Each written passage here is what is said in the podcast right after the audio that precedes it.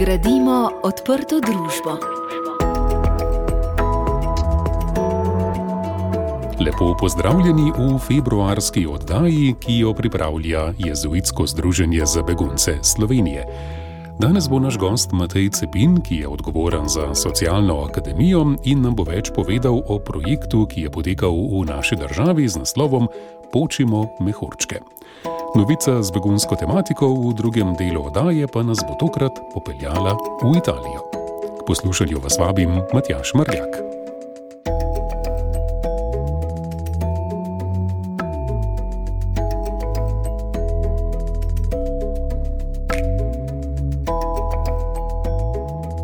In zdaj pred radijskim mikrofonom pozdravljam gosta, to je Matej Cepin iz Socialne akademije. Lepo zdrav. Lepo pozdravljeni.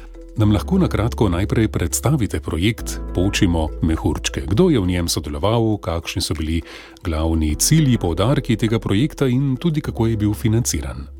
Tri nevladne organizacije, no, to je zdaj tako nekoliko uh, neprijetno ime. Uh, tri nevladne organizacije, Socialna akademija, Društvo Medkulturni dialog, ki združuje turške družine in pa Župnijski zavod svetega Jurija Stara Loka. Eh, oni so znani po vrtu Sončni žarek, smo se skupaj odločili, da želimo nekaj narediti za medreligijski in medkulturni dialog. In smo ravno pred COVID-om je bilo to takrat napisali ta projekt, Počemo mehurčke in bili celo uspešni na financiranju z norveškega finančnega mehanizma. Tako da smo si lahko um, v bistvu privoščili kar nekaj sistematičnega dela no, na, na zbliževanju teh dveh ciljnih skupin, torej um, turških družin, ki so po večinoma tukaj kot begunci, zato ker so uh, pripadniki tega uh, Gülenovega uh, gibanja, Hizmet, uh, in se ne, večinoma ne morejo vrniti nazaj v Turčijo. Njihove zgodbe so zelo, zelo pretresljive, kako so mogli v eni noči pobegati iz Turčije in tako. Um, potem pa večje slovenske katoliške družine, uh, ki so pa tudi tukaj včasih utopljene v množico skrbi in tako naprej, ker namen projekta je pa bila, bil, bila ravno tudi malo družbena participacija teh oseb, zato da bi bili bolj povezani z družbo, da bi bolj razumeli družbo in tako naprej. No, in smo naredili dva tabora, družine so se dobile mislim, da je bilo čez 70 uh, eh, ljudi na drugem taboru že. Um, prvi je bil v Kančovcih, drugi v celju. Um, in to gibanje je potem ustrajno raslo v predvsem medkulturnem dialogu, ki se kaže skozi hrano, pogovore, skozi različne navade in tako naprej, in pa zelo tudi medreligijskem dialogu. Se pravi, da smo se kristijani in muslimani pogovarjali med seboj, seveda, daleč od tega, da bi bili vse gliharski, ampak opazili smo pa, da imamo veliko več skupnega, kot smo sprva mislili. Uh mhm. -huh. Na katere potrebe pravzaprav je ta projekt pa tudi pokazal, kaj vse je še potrebno spremeniti morda v naši družbi? Ja, začeli smo z sploh potrebo po integraciji teh turških družin v Slovenijo in tudi s drugo potrebo, ki jo imela pa druga ciljna skupina, torej katoliške večje družine, potrebo po tem, da bi razumeli, da se da v slovenski družbi kaj spremeniti, kljub temu, da imaš vem, veliko otrok, veliko skrbi, da si lahko ob enem tudi saj mečkan, tudi aktiven državljan. Te dve potrebi sta nas uh, vodili vse čas in um, zdaj na koncu se je res zgodilo par takih mikrosprememb, ko si rečeš. Uh. Naprimer, ena taka je, da so ženske, slovenke in um, turkinje organizirale že večer turških plesov in so skupaj v bistvu. Plesale, se učile turške plese. Potem so imele celo en večer, kjer so se pogovarjale o ženskih zadevah, teh bolj intimnih, kar je tudi ena udeleženka označila kot čudežno, tako da se jaz z muslimankami pogovarjam o takih stvarih, recimo, nekaj prej se skoraj ni z nikomer zruto pogovarjala, sploh. Uh, potem pa kar naenkrat o takih intimnih stvarih. Uh, potem se je ustanovila medreligijska uh, zakonska skupina, kjer so tako kot slovenci poznamo zakonske skupine, samo da se ne bere samo evangelij, ampak evangelij in koren na začetku. Um, na neko temo in potem se pač pari pogovarjajo o tem. No? Um, in imeli smo tudi usposabljanje, ki je bilo zelo lepo in ganljivo, usposabljanje za tiste, ki smo neke vrste mladinski ali pa skupnostni delavci, recimo, um, ki delamo v, ali v pastorali ali v domovih, kakšnih vzgoj, vzgojnih, ali mislim, različni udeleženci so prišli no, na temo vključevanja. Tako da ogromno nekih takih malih sprememb se je zgodilo. Uh -huh. Zdaj projekt je nekako zaključen, ne? ja. nameravate nadaljevati, imate kakšne načrte za nadgradnjo? Prav, da bi bili še načrti, uh, niso, so seveda ideje in želje, da bi se to nadaljevalo. Um, mal težko je včasih s financami na tem področju, ker to vendarle nekaj stane. Če hočeš to sistemsko tako zadružiti, se to pa že počnemo. Ne? Tako da to bo, ampak ja, ideje pa so, marsikaj bi se še dalo narediti. Uhum. Mehurčki so nekateri počeli, najbrž ne? so se zadeve odprle, spremenile zdaj po tem projektu. Vsekakor. Um, mnogi predsotki so počeli, uh, zdaj nam ni težko poklicati nekoga, ki si prej sploh nismo predstavljali, da bi ga lahko.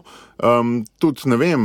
Polno še drobnih stvari. No. En Turk je prišel k meni, da bi ustanovil še eno društvo, uh, in mu pomagam zdaj pri ustanovljanju novega društva. Potem smo šli družine skupaj na Rašico, uh, planinski izlet, ker tudi njim ni v navadi, da hodijo v hrib, ne se Rašica. Mm -hmm. Ni ne vem kaj, ampak za njih je za ene že plane. Uh, Eh, potem um, razno razne, ja, to je ta zelo lepa božič, recimo, smo zdaj že dvakrat zapored praznovali skupaj, ampak ne pač uh, na sveti večer, ampak dan ali dva po uh, svetem večeru se je v eni hiški.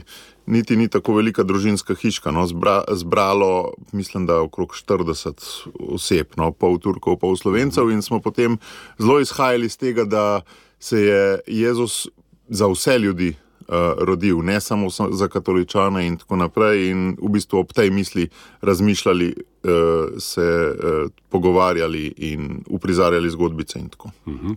uh, ker je to oddaja, gradimo odprto družbo, kako je to, ta vaš projekt odmeven v družbi, kako ga poznajo, kako so se odzvali morda drugi na njega. Ja, zelo zanimivo je v resnici, ker je to pač projekt financiran iz norveškega finančnega mehanizma, kjer se financira ogromno tudi um, projektov, ki so sicer zelo izhajajo iz dosti drugačnih predpostavk. No? Veliko teh agent um, drugačnih uh, se financira iz tega. In ko smo imeli evalvacijsko srečanje z vsemi temi projekti, um, seveda, ne, ljudje si ne povejo vsega, kar si mislijo, tudi ostali izvajalci teh projektov, raz, zelo drugačnih nekaterih, ne. Uh, ampak zelo lep, bogat dialog je bil med nami, ko smo si govorili, kaj vse smo um, dosegali. Tako da to je en vidik. Drug vidik je pa to, da je nastalo prav prek tega projekta tudi šest lekcij na portalu našem novem razgledan.si, kjer se tudi zdaj lekcije nadaljujejo in to zdaj postaja en tak zelo. Dober, po mojem mnenju, portal za eh, državljansko pismenost v Sloveniji. No, tako da, recimo, to je tudi en tak eh, stranski proizvod tega, pa še marsikaj. No. Uh -huh. ja, tudi kakšen dokumentarec, kakšni posnetki na YouTubu, na kakšnih omrežjih, na spletu, še kaj lahko najdemo o projektu Počimo mehurčke. Zelo, zelo prijeten je en tak filmček, mislim, da je tri minute dolg, o taboru Počimo mehurčke, um, ki, uh, ki prikazuje tudi skozi sliko in skozi mnenje udeleženih, uh, kaj jim je ta tabor dal. No. Uh, to je res taka dobra izložba tega projekta. Matej Cepin, najlepša hvala za današnji pogovor v našem studiu. Hvala tudi vam, da, ste, da vas to zanima.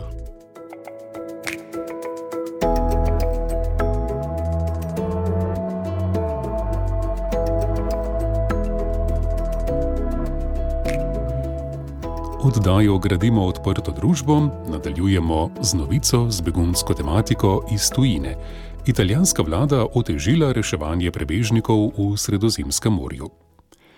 Italijanska vlada je sprejela odlog, s katerim je omejila operacije nevladnih človekoljubnih organizacij, ki z ladjami rešujejo prebežnike v Sredozemskem morju. Humanitarne organizacije so izrazile ogorčenje. Odlog med drugim določa, da se morajo ladje, takoj ko rešijo prve ljudi, odpraviti v določeno pristanišče, ne da bi pomagale drugim ljudem na morju. Običajno namreč te ladje na eni misiji rešijo ljudi v stiski z več majhnih čovnov. Poleg tega morajo prebežniki že na ladji povedati, ali želijo zaprositi za azil in v kateri državi članici Evropske unije, in na to izpolniti prošnjo. Če bodo nove predpise kršili, kapitanom ladji grozijo visoke kazni do 50 tisoč evrov. Poleg tega bi lahko oblasti zaplenile ladje in jih zadržale v italijanskih pristaniščih. Italijanska premijejka Giorgia Meloni je na novinarski konferenci dejala, da je njena vlada vprašanje prehoda prebežnikov znova uvrstila na mednarodno agendo. Zatrdila je tudi, da bo odlok uskladil delovanje nevladnih organizacij z mednarodnim pravom. Mednarodne humanitarne organizacije so se na ukrep vlade ogorčeno odzvale. Oliver Kulikovski iz nemške nevladne organizacije Sea-Watch, ki redno izvaja reševalne operacije v osrednjem sredozemlju, je prepričan, da takšen odlog pomeni povabilo k utopitvi. Siljenje ladij, da morajo oditi v pristanišče že po prvem reševanju, je v nasprotju z dožnostjo reševanja, če je na morju več ljudi v stiski, je opozoril. Reševalne operacije nevladnih organizacij so že dolgo trn upeti politične desnice v Rimu. Italijanska vlada svoje ukrepe proti humanitarnim organizacijam utemeljuje s trditvijo, da spodbujajo nezakonite migracije in pomagajo tihotapcem v sredozemlju. Nevladne organizacije medtem obtožbe odločno zanikajo. Zahvaljujemo se vsem, ki podpirate delo Jezuitskega združenja za begunce Slovenije, slovenski provinciji Družbe Jezusove in številnim dobrim ljudem, ki preko te oddaje pomagate beguncem, tujcem in prosilcem za mednarodno zaščito. Če želite tudi vi pomagati ljudem, ki zaradi preganjanja iščejo miru kot begunci po svetu, pokličite nič 31 63 69 64 nič 31, 63, 69, 64. Veseli bodo vaše pomoči. Današnja oddaja, ki jo je pripravil Pater Robin Švajger, je končana. Za pozornost zahvaljujem tudi Matjaš Mrljak. Lepo vabljeni k poslušanju naslednje oddaje v nedeljo 26. marca. Poslušali ste oddajo Gradimo odprto družbo, ki jo pripravlja Jezuitsko združenje za begunce Slovenije.